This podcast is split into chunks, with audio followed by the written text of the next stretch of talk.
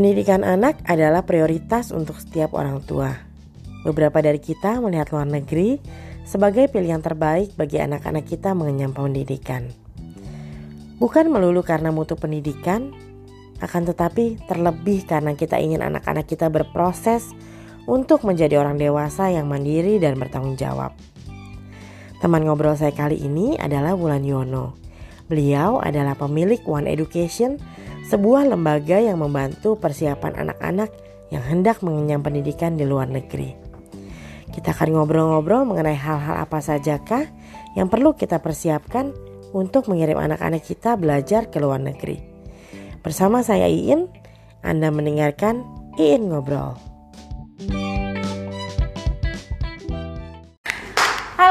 Ketemu lagi dengan saya Indin Ngobrol. Hari ini saya kedatangan seorang teman ngobrol istimewa Namanya Ulan Yuwono. Bener yes, ya Ci? Ya? Yes, betul. Nah, Ci Ulan ini dari uh, One Education Center.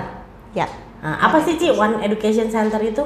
Oke, jadi kita adalah uh, lembaga hmm. yang ngebantuin anak-anak yang pengen sekolah ataupun kuliah ke luar negeri. Oh gitu, hmm. oke. Jadi uh, hari ini kita mau bahas mengenai sekolah ke luar negeri. Apa namanya? Gimana sih? Apa sih yang kita mesti siapin buat anak-anak kita sebelum pada akhirnya mereka ke luar negeri? Nilainya harus gimana? Sekolahnya harus ngambil sekolah yang seperti apa? Hari ini kita akan bahas tuntas bahas tuntas bareng Ci Ulan. Oke, Ci, aku mau nanya, pertama kali yang kita harus siapin tuh apa sih? Perlu nggak sih? Oh, kalau kamu mau sekolah ke um, let's say negara A atau B gitu kamu harus punya requirement oh kamu harus ambil pendidikan Cambridge kah atau IB kah atau nasional aja sebenarnya udah more than enough. Hmm, Oke, okay. Jadi uh, kalau kita keluar negeri, hmm. semua jenjang pendidikan itu seperti Cambridge, IB ataupun sekolah nasional biasa hmm. itu sudah punya standar penilaian sendiri-sendiri. Oh jadi masing-masing uh, kurikulum itu punya standar penilaian sendiri-sendiri. Hmm, okay. Dan mereka semuanya accepted di luar negeri. Okay. Gitu. Jadi um, nasional kita juga nggak kalah ya nasional kita juga bisa diterima di luar negeri gitu jadi misalkan oh oke okay, uh, eh, aku punyanya standar nilai UN SMA kelas 3 nih mm -hmm. atau uh, standar nasional biasa gitu mm -hmm. oke okay, uh, eh, SMA kelas 3 itu ada nilainya harus uh, masuk ke university ini uh, dengan nilai berapa terus oke okay, aku punyanya Cambridge kalau Cambridge uh, aku harus punya nilai seperti apa. Kalau IB aku harus punya nilai seperti apa dan semuanya itu uh, biasanya university sudah punya listnya semua berapa per masing-masing jurusan yang mereka bisa terima anak seperti kayak gitu nilainya berapa gitu maksudnya. Oh, jadi hmm. tergantung tergantung masing-masing university lah ya sebenarnya hmm, ya. Mereka tapi semuanya accepted. Tapi semuanya bisa diterima, hmm. cuman ya grade yang diambil nilai-nilainya harus masuk ke nilai minimumnya mereka. Benar. Oh, oke. Okay. gitu kalau di One Education sekarang uh, ada negara tertentu yang yang maksudnya da, dari pihak One Education oh kita hanya melayani untuk sekolah ke luar negeri negara A B C D atau semua negara bisa? Ah uh, kita uh, mulai dari yang terdekat nih karena kita di Batam ya. Uh. Kita Singapura Malaysia udah pasti ada. Lalu uh, Australia, New Zealand, um, Kanada, Amerika, uh, Swiss, UK hampir negara-negara besar sih yang memang jadi destination untuk study itu kita bisa bantu pengurusannya ke sana. Oh, gitu. Okay. Jadi banyak sih pilihan. Pilihannya banyak ya. Iya banyak. Nah, terus kalau misalnya nih, let's say hmm. aku pengen uh, nyekolahin anak aku ke luar negeri, hmm. gitu kan. Hmm. Itu persiapannya udah harus dari SD kah, gitu kan? Atau ya nggak apa-apa nanti misalnya aku mau kuliah kan jadi ya SMA aja hmm. persiapannya terus kalau misalnya SMA aja apakah udah harus dari kelas 1 disiapin atau enggak sih nanti aja udah deket-deket waktu juga bisa gitu hmm. uh, tips dari kita uh, pada saat kita planning anak itu mau kuliah keluar hmm. dari kecil sebisa mungkin les Inggris dari kecil. Uh-uh. Umur berapa kecil itu? Oke, okay. itu relatif sih ya sebenarnya. Uh-uh. Kita ngomongin Inggris kan. Yeah. Di rumah kita berbahasa Inggris sama mereka itu termasuk praktis kan buat Oke. mereka juga. Hmm. Misalkan mereka nonton YouTube atau kan anak kecil Iya. sekarang nggak mungkin nggak nonton Iya, YouTube betul. ya kan. Eh, dari mereka Dan itu nonton- adalah guru bahasa Inggris yang paling Oh paling top chair, Ya. iya bener banget itu. Jadi dari dia nonton YouTube, dari dia nonton TV, channel yang kita setelin apa, itulah yang kerekam di otak mereka kan begitu. Ya. Ah, itu pelajaran Inggris secara pasif lah bagi anak-anak karena mereka denger YouTube mereka hanya denger ini ngomong oh oke oke atau yes gitu kan bahasa-bahasa Mm-mm. eh, percakapan seperti itu. Tapi cara nulisnya kan mereka belum tahu. Oh iya betul. ya kan oke nulisnya kayak apa yes nulisnya seperti apa Mm-mm. mereka belum mengerti nah itu akan mereka dapat nanti di formal educationnya nah maksud saya pada saat mereka mulai belajar Inggris dari sejak kecil itu ya itulah yang akan kerekam. Dan sebenarnya bahasa Inggris itu sesering mereka mendengar menggunakan secara aktif itu secara tidak langsung akan memperbagus bahasa Inggris dia tuh di nanti di kemudian maksudnya. Mm-mm. gitu. Jadi eh, banyak tuh yang misalkan oh karena kecilnya dulu kita nggak terlalu pakai bahasa Inggris secara aktif terus tiba kita mau keluar negeri aduh gua keteteran nih nyiapin bahasa Inggrisnya karena basically kita bisa gitu cuman karena kita nggak pakai kita nggak praktis itu hilang luntur gitu Iya. loh bahasa Inggris bahasa tuh kayak begitulah bahasa Nah, anakku mana pun cuma ya satu tahun aja Hmm. bahasa Inggrisnya hilang kayak dia nggak pernah belajar bahasa Inggris. nah itu sayang kayak banget. dia nggak pernah bisa bahasa Inggris. nah kayak itu gitu. padahal cuma satu tahun sekolah di sekolah nasional ya. Mhm. Jadi even conversation aja kita nggak usah bilang yang menulis lah. Conversation aja hilang dengan Nah.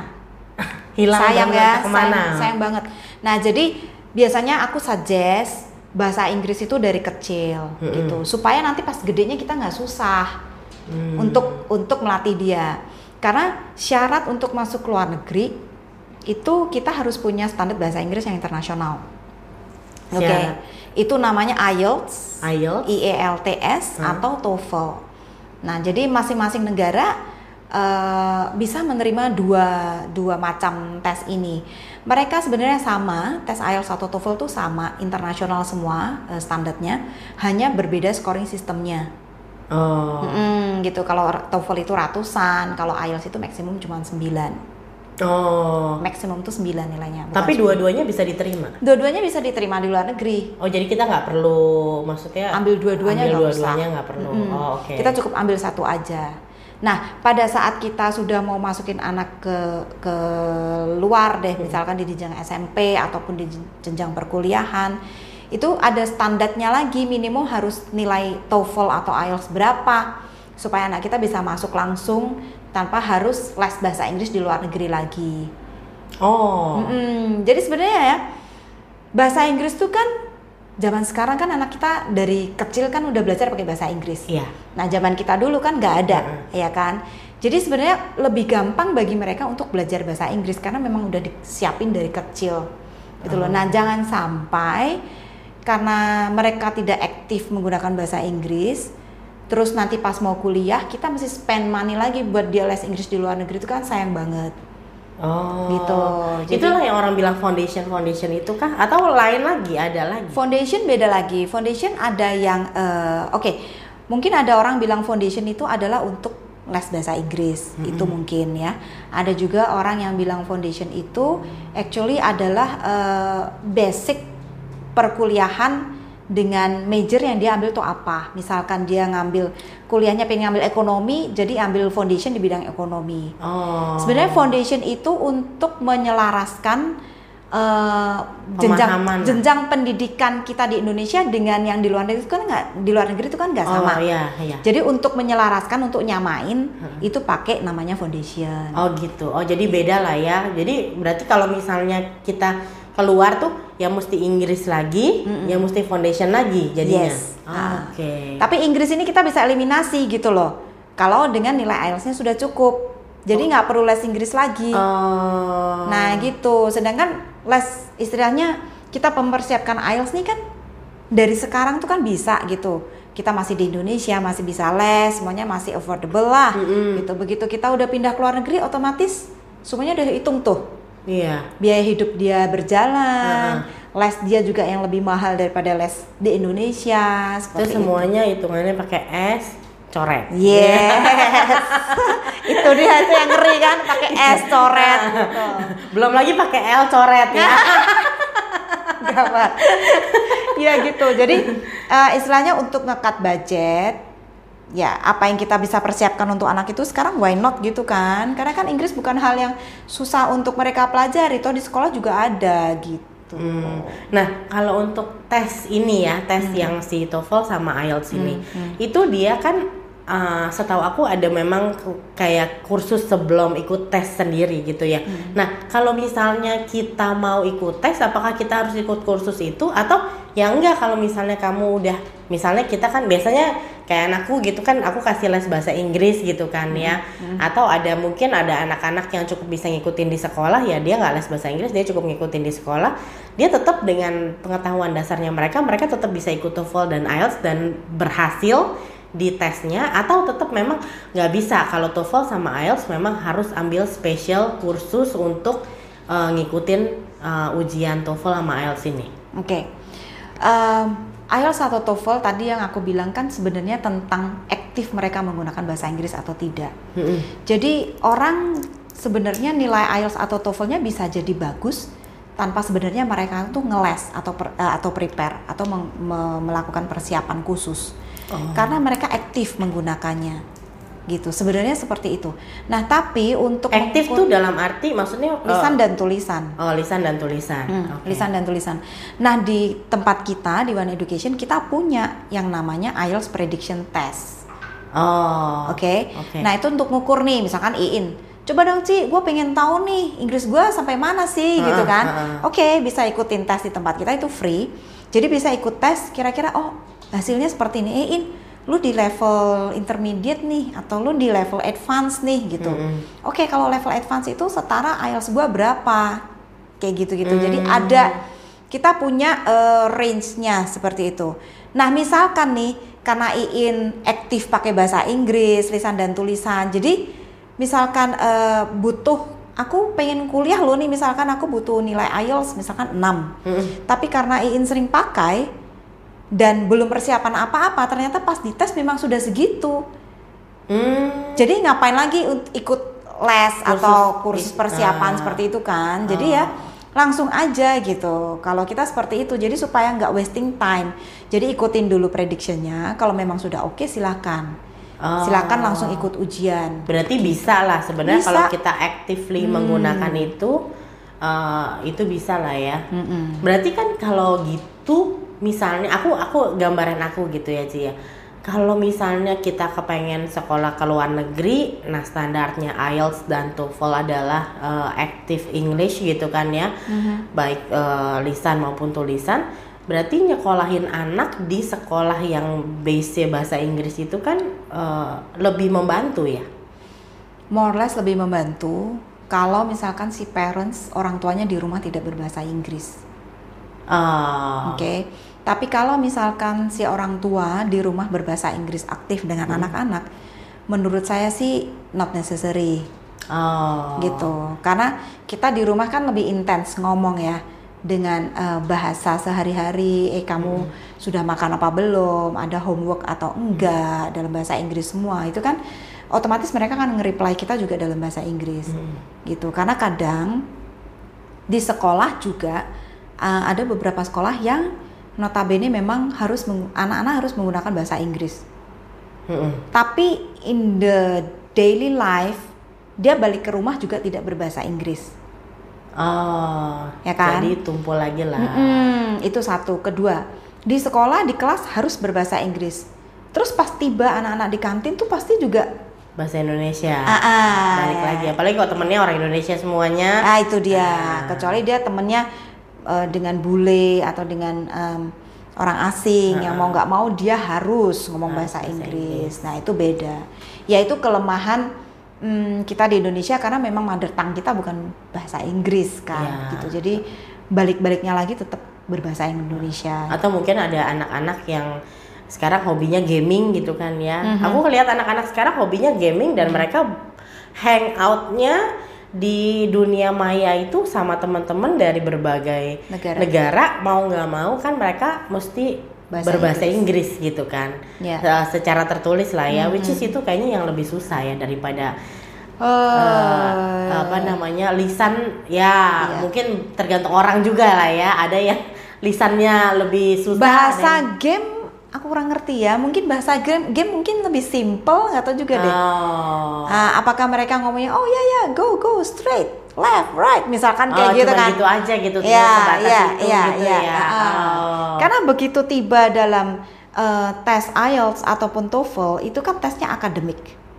nah sudah tes akademik itu bahasanya vocabnya itu lebih susah dari yang kita pelajarin di sekolah sebenarnya Oh. gitu. Jadi ada certain words yang memang em, kita jarang mendengar, tapi itu mempunyai makna yang sama gitu. Jadi kayak kayak apa ya? Kita misalkan ngomong Inggris, oh ya in but, misalkan kayak Nah. gitu. Tapi kita bisa pakai bahasa lain. Oh ya in however, Oh, Ah, bahasa lebih formal lebih ya, formal lah, penggunaannya ya. bahasa halus lah, lebih lebih sopan. ya, Kalau lebih kita formal. bahasa Jawa tuh ada apa? Eh, Jawa bahasa Injil ya. Ah, bahasa kromo, nih kan Kromo. keluar nih bahasa kromo Inggil kayaknya ya sama bahasa apa sih Iya, Jawa yang kasar ah, gitu kan, Iya, sehari-hari. ya biasanya tiap daerah tuh pasti ada yang bahasa yang Iya, iya, lebih iya, formal, lebih halus, ada yang lebih yang kayak ya bahasa slang lah kita hari-hari ngomong slang punya betul gitu betul ya. betul yang gua gua lo lo Ah, gitu.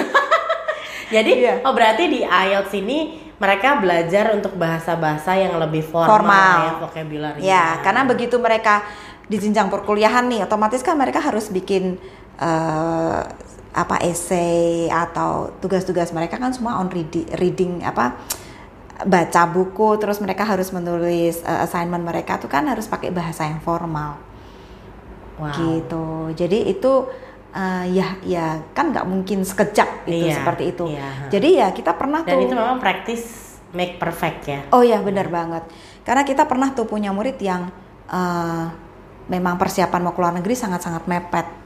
Jadi yang udah kayak eh, last minute gitu baru ngeles, memang Inggrisnya kurang, ngeles, udah les ternyata sudah saatnya harus masuk kuliah, dia nilai IELTS belum cukup.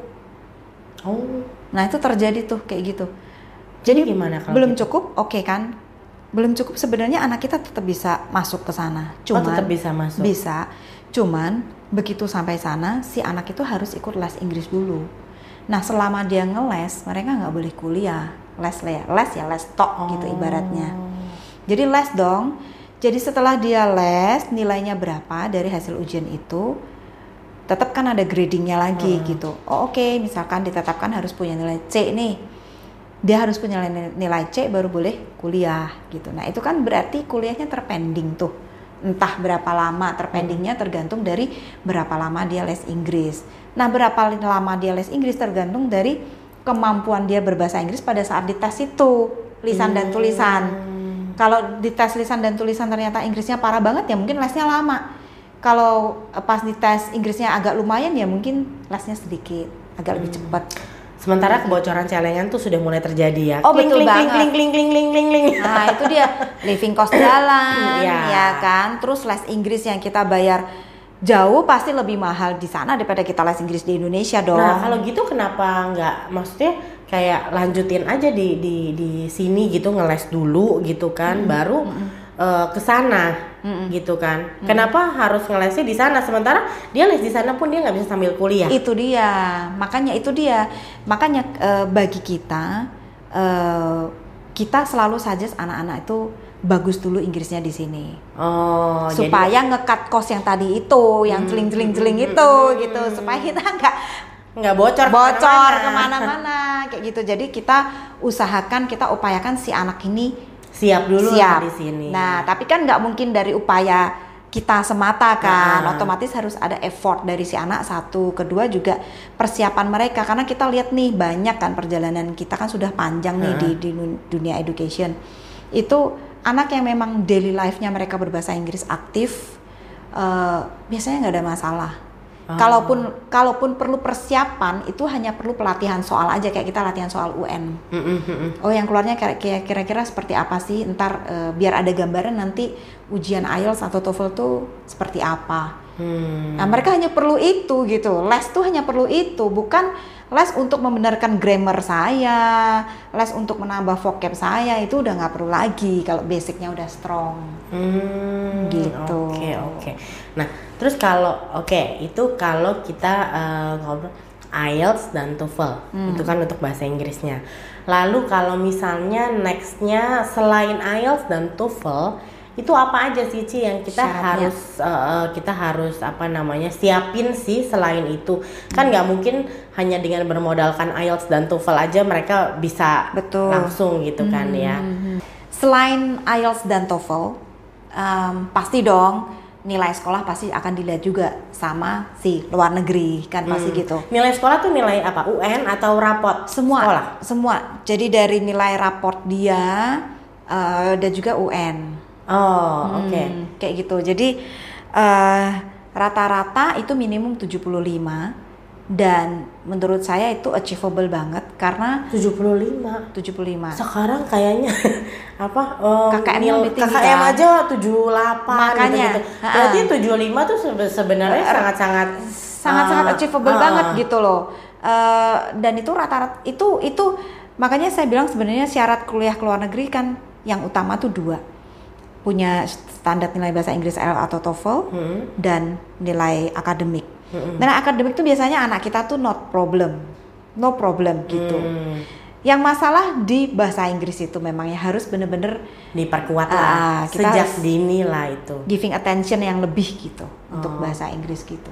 Berarti itu kalau misalnya uh, dari kecil kan kita bahasa Inggris ya nggak perlu nggak perlu ngeles juga lah ya. Kalau hmm. misalnya kita actively bahasa hmm. Inggris dengan mereka, hmm. itu pun sudah sangat-sangat hmm. membantu. Mungkin baca buku dalam bahasa Inggris gitu ya, kan ya untuk betul. perbenaran vocab-vocabnya hmm. mereka. Hmm. Nah, selain uh, oh, kalau misalnya let's say anak saya kuliah uh, sekolahnya SMA-nya di Nasional Plus yang punya kurikulum nasional. Hmm plus kurikulum sekolah misalnya Cambridge atau IB misalnya gitu mm -hmm. kan ya. Biasanya yang double Cambridge ya, yang punya nasional dan uh, Cambridge. Oh, uh, Cambridge ya biasanya mm -hmm. ya. Misalnya gitu, dia punya nasional tapi dia juga punya Cambridge. Itu uh, nanti yang akan diambil nilai nasional kah atau nilai Cambridge kah atau dua-duanya? Mana yang lebih bagus? Oh, boleh pilih lah. Boleh pilih. Oh, mana yang lebih bagus? Ha, ha. Oh. Jadi sesuai experience kita oke okay nih uh, saya miss saya punya nilai Cambridge dan nilai nasional. Tapi nilai Cambridgeku lebih bagus daripada daripada nilai nasional aku. Mm -hmm. ya udah pakai Cambridge aja selama nilai Cambridge ini memenuhi standar masuk ke perguruan luar negeri ya, ke perguruan tingginya masuk pakai ini. Kita nggak oh. masukin yang nilai nasional. Tapi ada juga yang sebaliknya gitu loh. Nilai Cambridge gue jelek nih gue bagusan nilai UN yaudah kita masuk pakai nilai UN is not a problem oh gitu hmm. nah kalau misalnya nih uh, dua-duanya nggak bagus oke okay.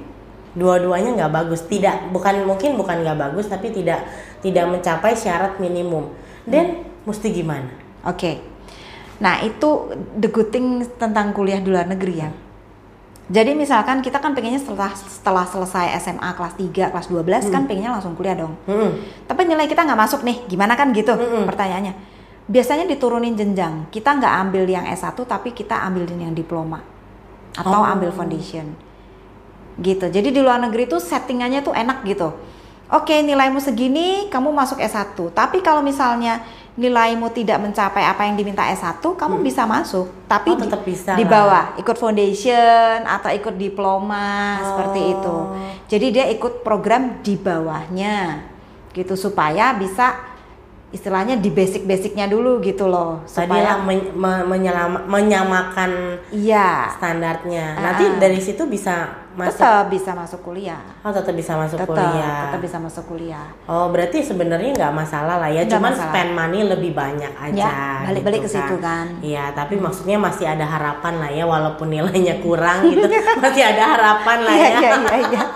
Iya iya iya. Nah masih. kalau misalnya uh, selain itu ada nggak sih yang orang tua nih perlu persiapkan uh, secara apa ya biasanya kan hidup di rumah mm. bersama dengan kita mm. ya kan mungkin uh, untuk menuntaskan nilai-nilai sekolah juga kita kasih les mm-hmm. ya kan untuk membantu karena mm-hmm. nilai eh maksudnya pelajaran anak sekarang tuh kayaknya buat maminya tuh sudah susah, beyond banget gitu susah ya banget, emang, uh, emang, emang susah banget terus udah gitu kita kasih les mm-hmm. terus udah gitu mungkin di rumah kita punya mbak nih mm-hmm. yang bantuin segala macam nah yang kayak gitu-gitu tuh uh, sebenarnya ya lepas aja nanti juga mereka biasa sendiri atau memang harus ada yang kita persiapkan sih terus berapa lama sih kita harus mempersiapkannya gitu lebih ke mental kali ya kayak gitu ya, ya. mental mereka ada nggak sih yang mereka harus prepare biasanya kalau anak-anak kan cuma iya gue mau ke Australia sekolah hmm. padahal cuma begitu sampai gitu. situ nangis-nangis ya ah, karena aku gitu kan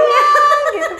kan waktu kita mau pergi tuh kan cuma excited, excited. apalagi kalau ada temen iya sama temen gua loh gitu kan ya kiranya mau holiday ya rasanya kayak mau holiday gitu loh ternyata sampai di sana kita di sini misalnya ya let's say apalagi kalau misalnya sekolah-sekolah yang uh, mereka sekolahnya nasional. Hmm. Ya, kalau sekolah hmm. nasional biasanya dikasih materi, hmm. kita hafalin, hmm. lalu ujian selesai. Hmm. Kalau di sana mungkin kan kayak yang tadi Ciwulan bilang, oh, lu harus cari bahan, hmm. lu mesti baca buku, hmm. and then lu harus bikin uh, apa?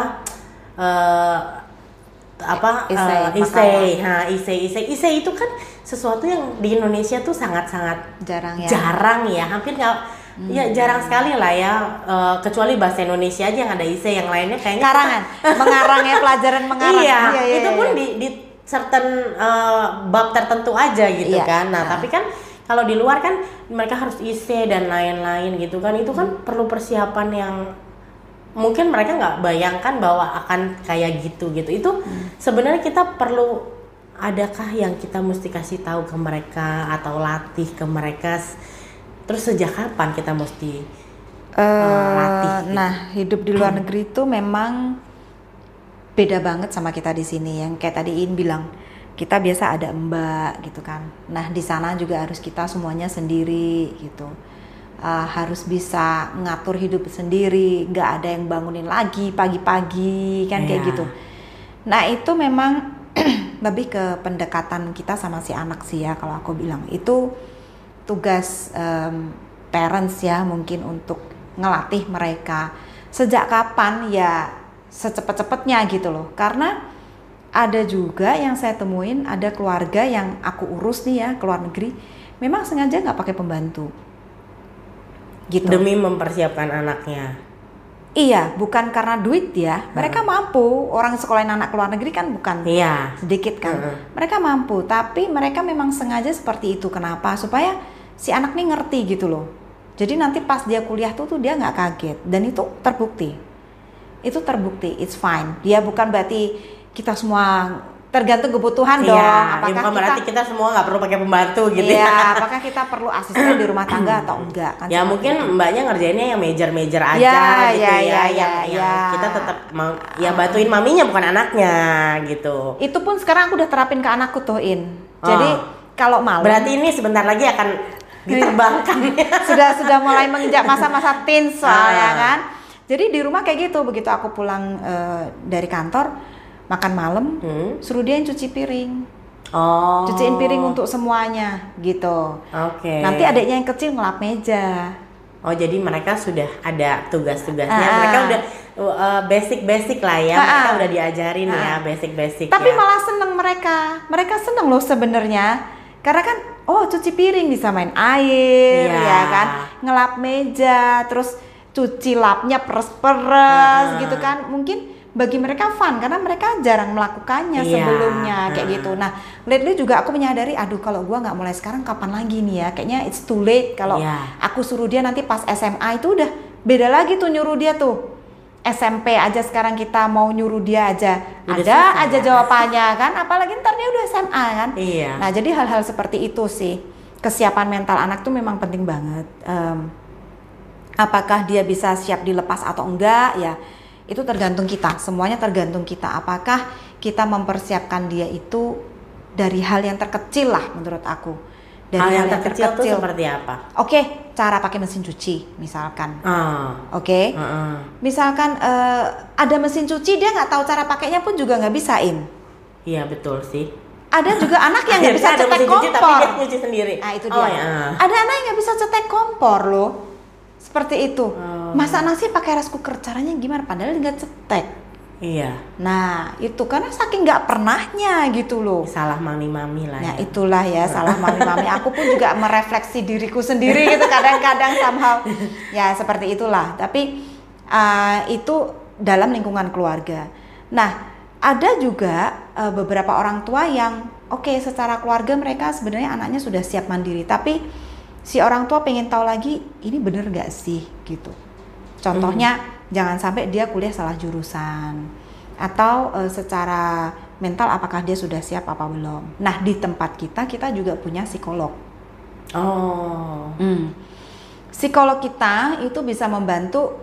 Uh, Oke okay, sebenarnya is this the right major untuk kamu atau hanya ikut-ikutan temen atau ini kemauan papamu atau kemauan mamamu hmm. kan banyak tuh gua dulu cita-cita jadi dokter karena nggak kecapean anak gua aja deh yang suruh jadi dokter. Ya itu banyak oh, banget. banyak atau ya gua dokter ya anak gua juga masih jadi dokter. Nah itu dia gitu. gitu biasanya si anak tuh merefleksi apa yang kita lakukan loh. Hmm. itu iya banget gitu. Jadi oh kita uh, memang biasa kerja seperti ini si anak lihat dong. Karena kan sehari-hari dia ngelihat kita kayak gitu. mm -hmm. jadi itulah apalagi kalau dokternya duitnya banyak gitu ya. Nah itu dia. kayak papi aja. Nah siap-siap anak lu in. Wah maminya ngobrol terus nih nanti anakku kerjanya ngobrol. Asal jangan di kelas ya kamu ngobrol. Itulah dia.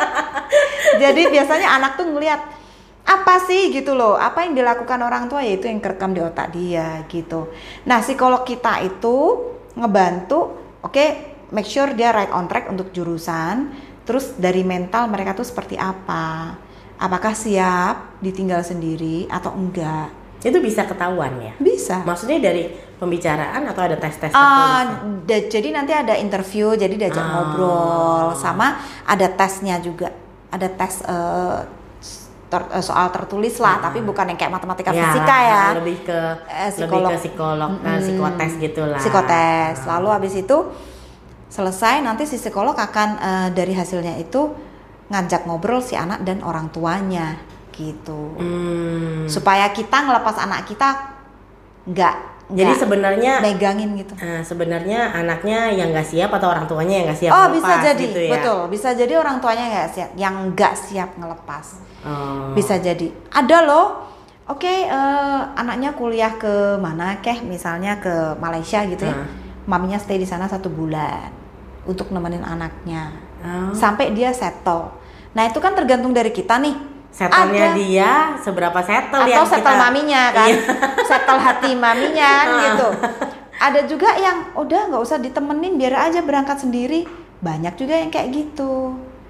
Jadi tipe tipenya masing-masing gitu loh sebenarnya yang pas tuh yang gimana sih Ci kadar yang pas gitu karena ada orang tua yang ya kayak yang tadi Cibulan bilang hmm. kayaknya diintilin terus diintilin. gitu kan ya hmm. ada yang kayaknya oh kamu udah gede oke okay, go by yourself gitu kan ya kamu pergi sendiri atau ya memang untuk pertama kita sebaiknya gitu kalau secara financially memungkinkan ngantar mereka lalu melepaslah mereka di sana gitu hmm atau benar-benar ya ya sebenarnya nggak apa-apa mau ya mereka berangkat sendiri juga nggak masalah karena nanti di sana mungkin sudah ada yang jemput kah atau sekarang kan gampang ya grab hmm. gokar apa gokar sih nggak semua negara hmm. tapi kayak grab gitu di mana-mana udah ada hmm. gitu sebenarnya takaran yang pas tuh yang kayak gimana menurut saya menurut saya sih yang pasti anaknya harus siap dulu kan secara mental bahwa dia bisa mandiri gitu loh hmm.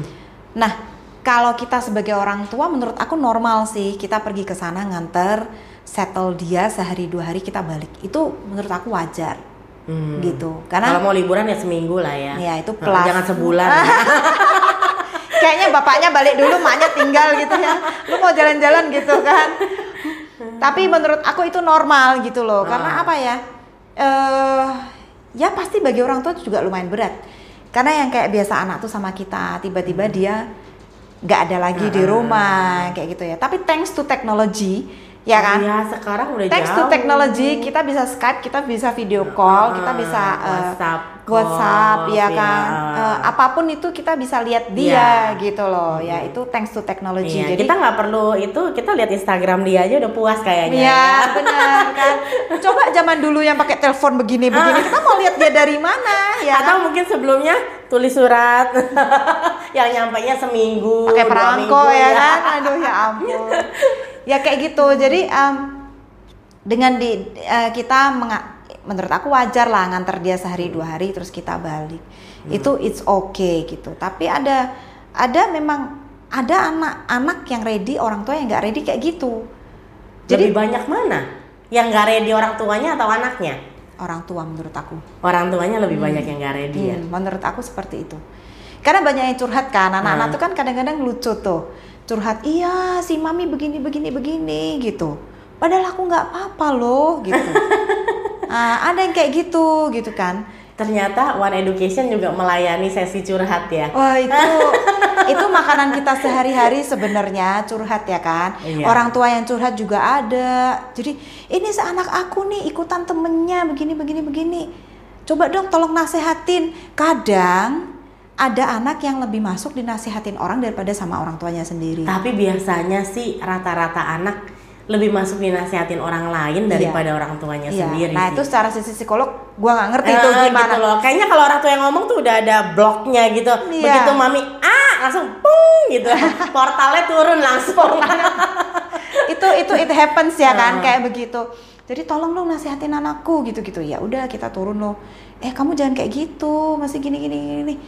Ya memang iya, mereka bagian, lebih dengerin. Itu bagian dari servis lah ya. Tapi ya itu bagian dari servis. Selama orang tuanya kooperatif sama kita kan, kita hmm. enak ngomongnya gitu.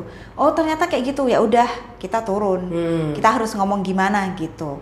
Ada orang tua yang eh tolong ya diliatin anakku les nggak sih ini gitu. Ada yang sampai iya. Gimana caranya ngeliatin?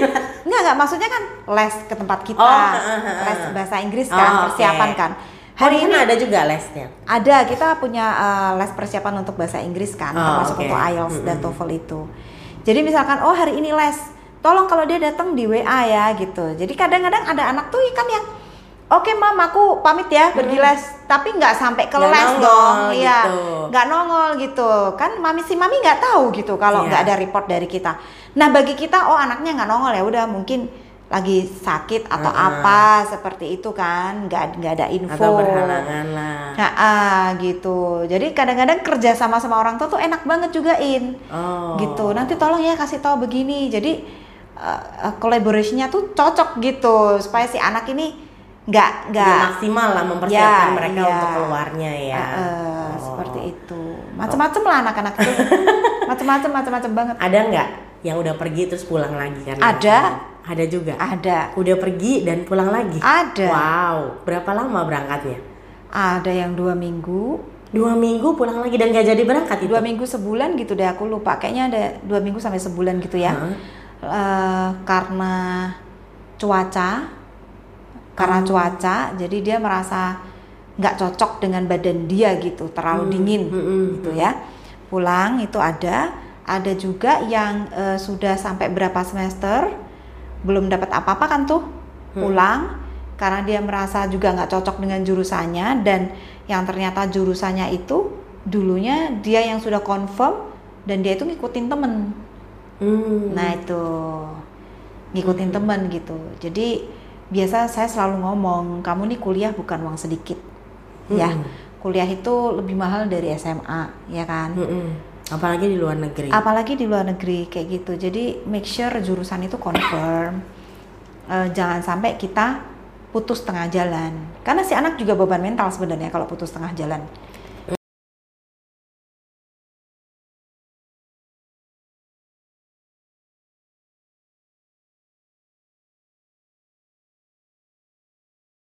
Nah itu kan fatal banget ya Ci. Kalau misalnya perubahannya udah dari ekonomi tuh sampai ke desain hmm. itu kan udah nggak ada dasarnya sama sekali kalau misalnya dulu kita kuliah mungkin ada dasar-dasarnya ekonomi dasar lah atau apa yang basic-basicnya kita bisa ambil hmm. tapi kalau sudah dari ekonomi terus pindahnya ke desain gitu atau mungkin ke teknik sipil itu kan sudah terlalu jauh ya gitu bedanya hmm. itu kan kayaknya udah ya fatal lah udah fatal, kayak kan? benar-benar kan? ulang lagi gitu ya it happens tuh sama murid aku dulu gitu loh jadi Uh, makanya aku ngomong ini ini penting gitu.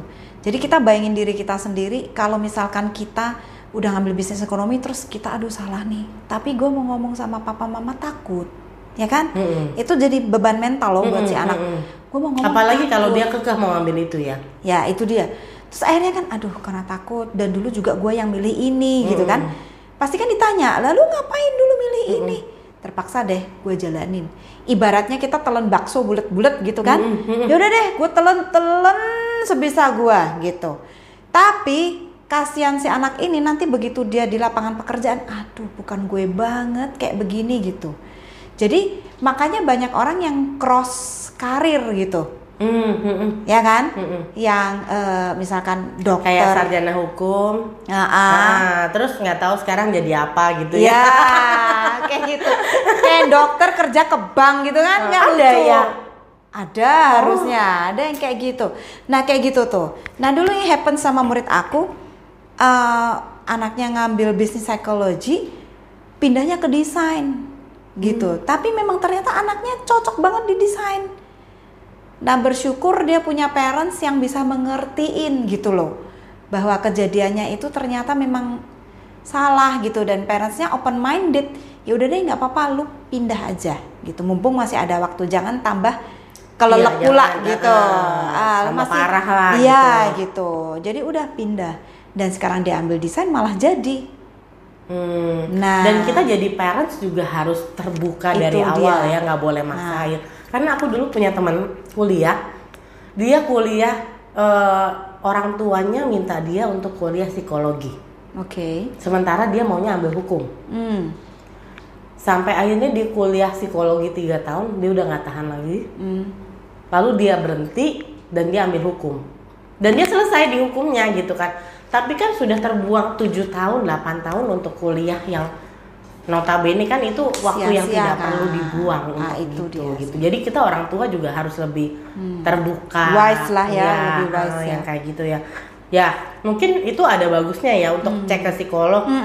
I- apa maksudnya sekarang kan ilmu pengetahuan itu kan Hmm. sudah sebegitu majunya sehingga dari hasil tes pun kita bisa lihat oh kamu tuh strengthnya apa sih? Kekuatannya apa? Kekurangannya apa? Dan cocoknya apa sih? Gitu ya. Hmm.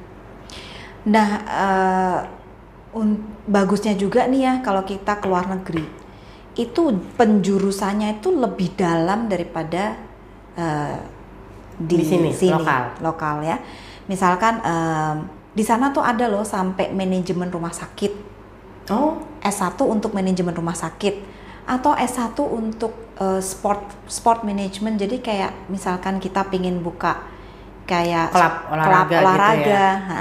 Jadi spesifik kan itu sangat-sangat spesifik padahal judulnya manajemen sih sebenarnya sebenarnya kan gitu. Mm-mm. S1 manajemen, tapi S1 manajemen itu lebih dalam lagi dibagi-bagi-bagi-bagi lagi gitu. itu kayak eh, berarti dari awal kita ngambil manajemen nanti udah di eh, tahun tertentu kita akan di Enggak, udah dari awal. oh dari awal udah Udah dari awal. berarti dari awal kita sudah memilih eh, jurusan, Jurusan itu. itu. wow Nah, yang aku maksud kan dengan itu meminimalisasi kesalahan penjurusan hmm gitu. Jadi lebih spesifik lagi. Iya. Iya. Nah kalau misalnya kayak gitu, sebenarnya itu lebih bagus atau lebih kalau yang umum-umum aja kan ya udahlah kalau sampai salah ya nggak salah-salah banget lah gitu ya misalnya manajemen ya udahlah gitu.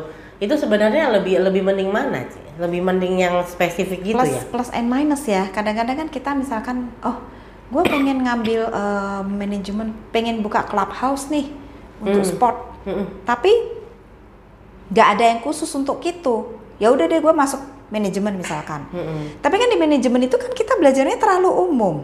Iya. Jadi akhirnya boring juga kan bagi aku misalkan. Mm-mm. Ya karena boring ya udah loh, aku cari yang lain misalkan seperti itu.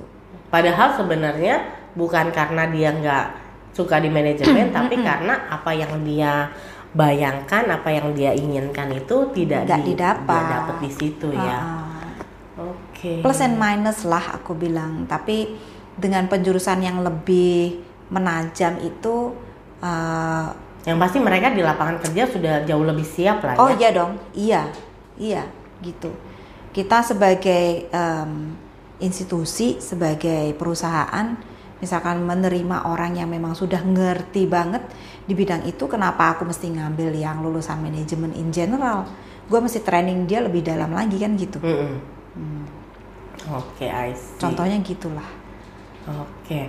Jadi berarti tadi ya persiapannya yang paling utama adalah IELTS atau TOEFL. Bahasa Inggris. Heeh, Terus udah gitu nilai-nilai eh, Akademik di sekolah. akademiknya. Kalau nasional nasional tujuh setengah. Kalau yang Cambridge Cambridge dan IB itu beda-beda. oh beda-beda. Ah, beda-beda lah, masing-masing tergantung universitas beda-beda. Iya. Oke, lalu persiapan mental, dan itu Mental. yang paling penting supaya nggak pergi dua minggu dia pulang. Iya, Iya. bener banget. Itu bener banget. mungkin mungkin juga bi- ah, kayak tadi eh, Cici cerita gitu bahwa dia nggak tahan dingin. Itu kan sesuatu yang sebenarnya bukan salah dia lah ya. Karena dia kan juga maksudnya badannya kan ya mungkin kita boleh eh, misalnya ada satu destinasi yang kita sudah tahu pengennya di mana gitu. Mungkin kita boleh jalan-jalan ke sana in the worst weather gitu ya. Eh, cuaca yang paling buruk kayak di sana gitu kan seperti apa.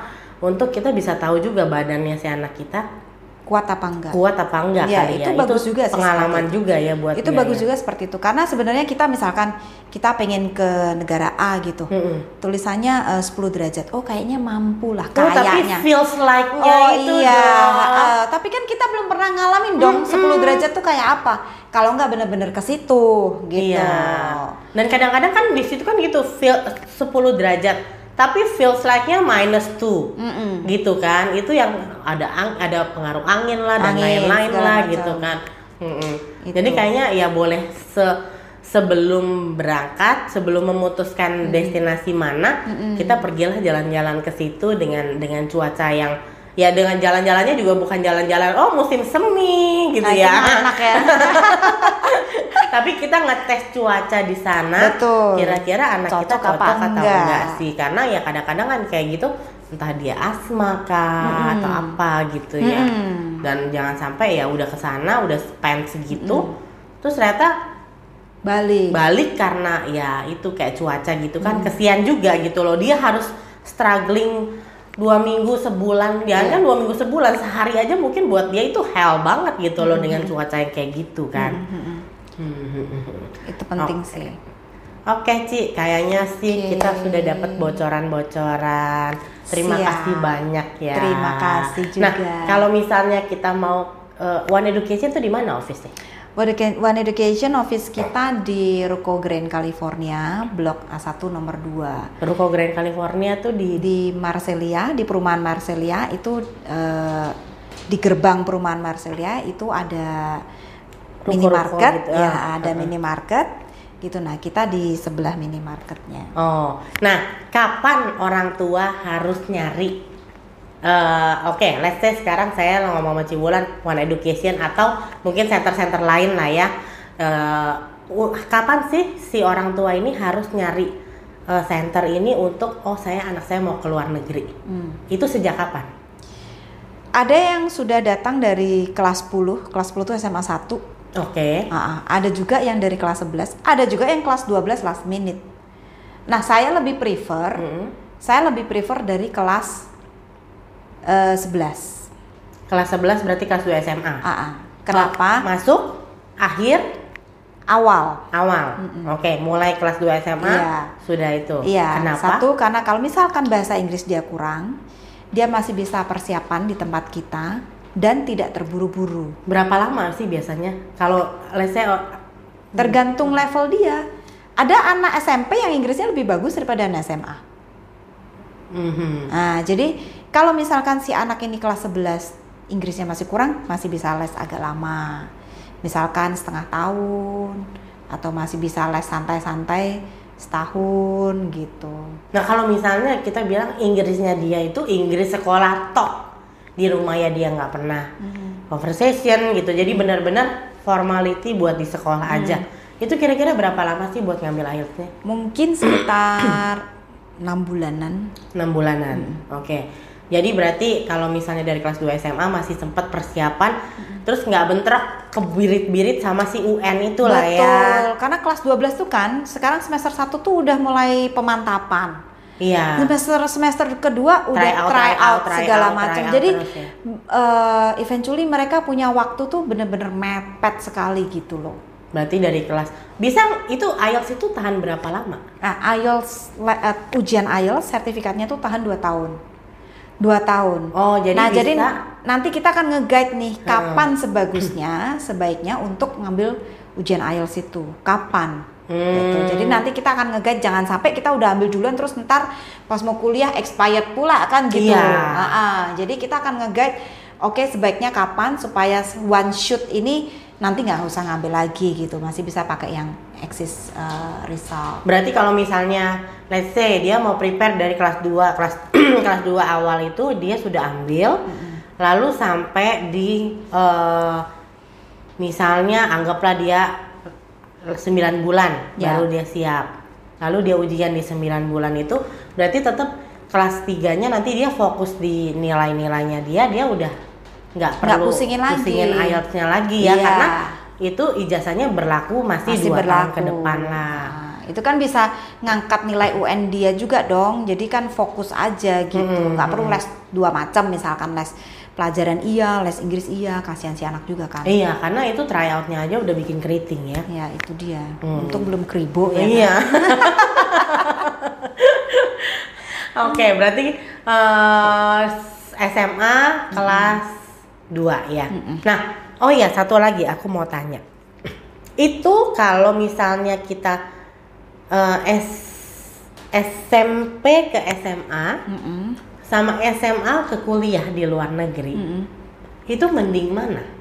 Mending apakah ya udah dari SMA aja di kesanain atau enggak lah kuliah aja lebih lebih misalnya secara usia kah mm -hmm. atau secara kesiapan dan kemantapan uh, mungkin mentalnya dan lain-lain itu lebih mending mana? Tergantung kesiapan anak sih In menurut aku ya tergantung kesiapan anak. Hmm. Aku pun ada ngirim anak SD tamat ke SMP. Jadi SMP-nya di luar negeri. Memang deket sih, cuman ke Singapura. Hmm. Dan itu mental si anak yang memang udah bener-bener siap. Hmm. Gitu loh. Jadi aku ngobrol sama maminya, maminya bilang dia yang minta dia yang sudah siap dia yang minta. Karena dilihat maminya dia juga sudah siap oke okay, dilepas. Hmm. gitu. Jadi tergantung malahan ada anak yang SMA seharusnya sudah siap dilepas dia belum siap. Hmm. nah okay. jadi kalau masalah mental mas tergantung masing-masing mereka. Tapi kalau secara sistem pendidikannya sama aja lah menurut aku sama aja sama aja soalnya kan kalau misalnya ada tuh kayaknya Singapura berapa tahun gitu kadang-kadang kan orang suka curi nih mm-hmm. SMP 2 mm-hmm. sudah dikirim supaya nggak nggak rugi umur lah gitu kan ya mm-hmm. kalau itu sebenarnya nggak terlalu problem menurut ya. aku sama aja sih karena kan uh, tergantung si anak juga karena begitu kita kirim kan pelajaran dia sudah berbeda semua mm-hmm. apakah dia sanggup untuk itu atau enggak gitu Oh oke. Okay. Gitu. Oke okay lah berarti kalau misalnya ngirim ya mau SMA keluar atau hmm. mau dari kuliah sih nggak ada masalah lah ada ya. masalah. Cuman kalau misalnya mau kirimnya kuliah berarti dari SMA kelas 2 sudah harus cari-cari center betul. karena kita butuh kesiapan uh, mungkin data-datanya dan lain-lain dan hmm. apa aja sih yang kita mesti siapin hmm. itu itu dari senternya lah ya. Mm -hmm. Oke. Okay. Oh, gitu. Thank you banget ya Ci Terima buat waktunya, buat uh, apa namanya sharing-sharingnya. Mudah-mudahan nanti uh, kalau anak-anak teman-teman yang di sana pengen uh, apa namanya pengen keluar sekolah mudah-mudahan ini berguna buat mereka mudah-mudahan ada gambaran buat mereka sehingga mereka bisa lebih lebih persiapannya bisa lebih mantap. Sip, Oke. Okay. Thank you, In. Thank, Thank you. you juga udah ngundang aku nih. Sama-sama. Oke, teman-teman, mudah-mudahan apa yang kita obrolin hari ini bisa berguna dan uh, jangan lupa ketemu lagi di In Ngobrol minggu depan. Bye. Bye. Selain pendanaan dan nilai, Kesiapan fisik dan mental adalah hal penting yang tidak boleh diabaikan. Kesiapan fisiknya yang mungkin akan menghadapi cuaca atau bahkan musim yang sangat berbeda. Sanggupkah tubuhnya menghadapi dinginnya salju atau polen-polen yang berterbangan di musim semi? Kesiapan mental anak-anak kita untuk lepas dari orang tua dan hidup mandiri di negeri orang. Dan yang tak kalah pentingnya, adalah bagaimana kita sebagai orang tua juga siap mental untuk melepas mereka. Terima kasih sudah mendengarkan ingin ngobrol. Sampai jumpa minggu depan. thank you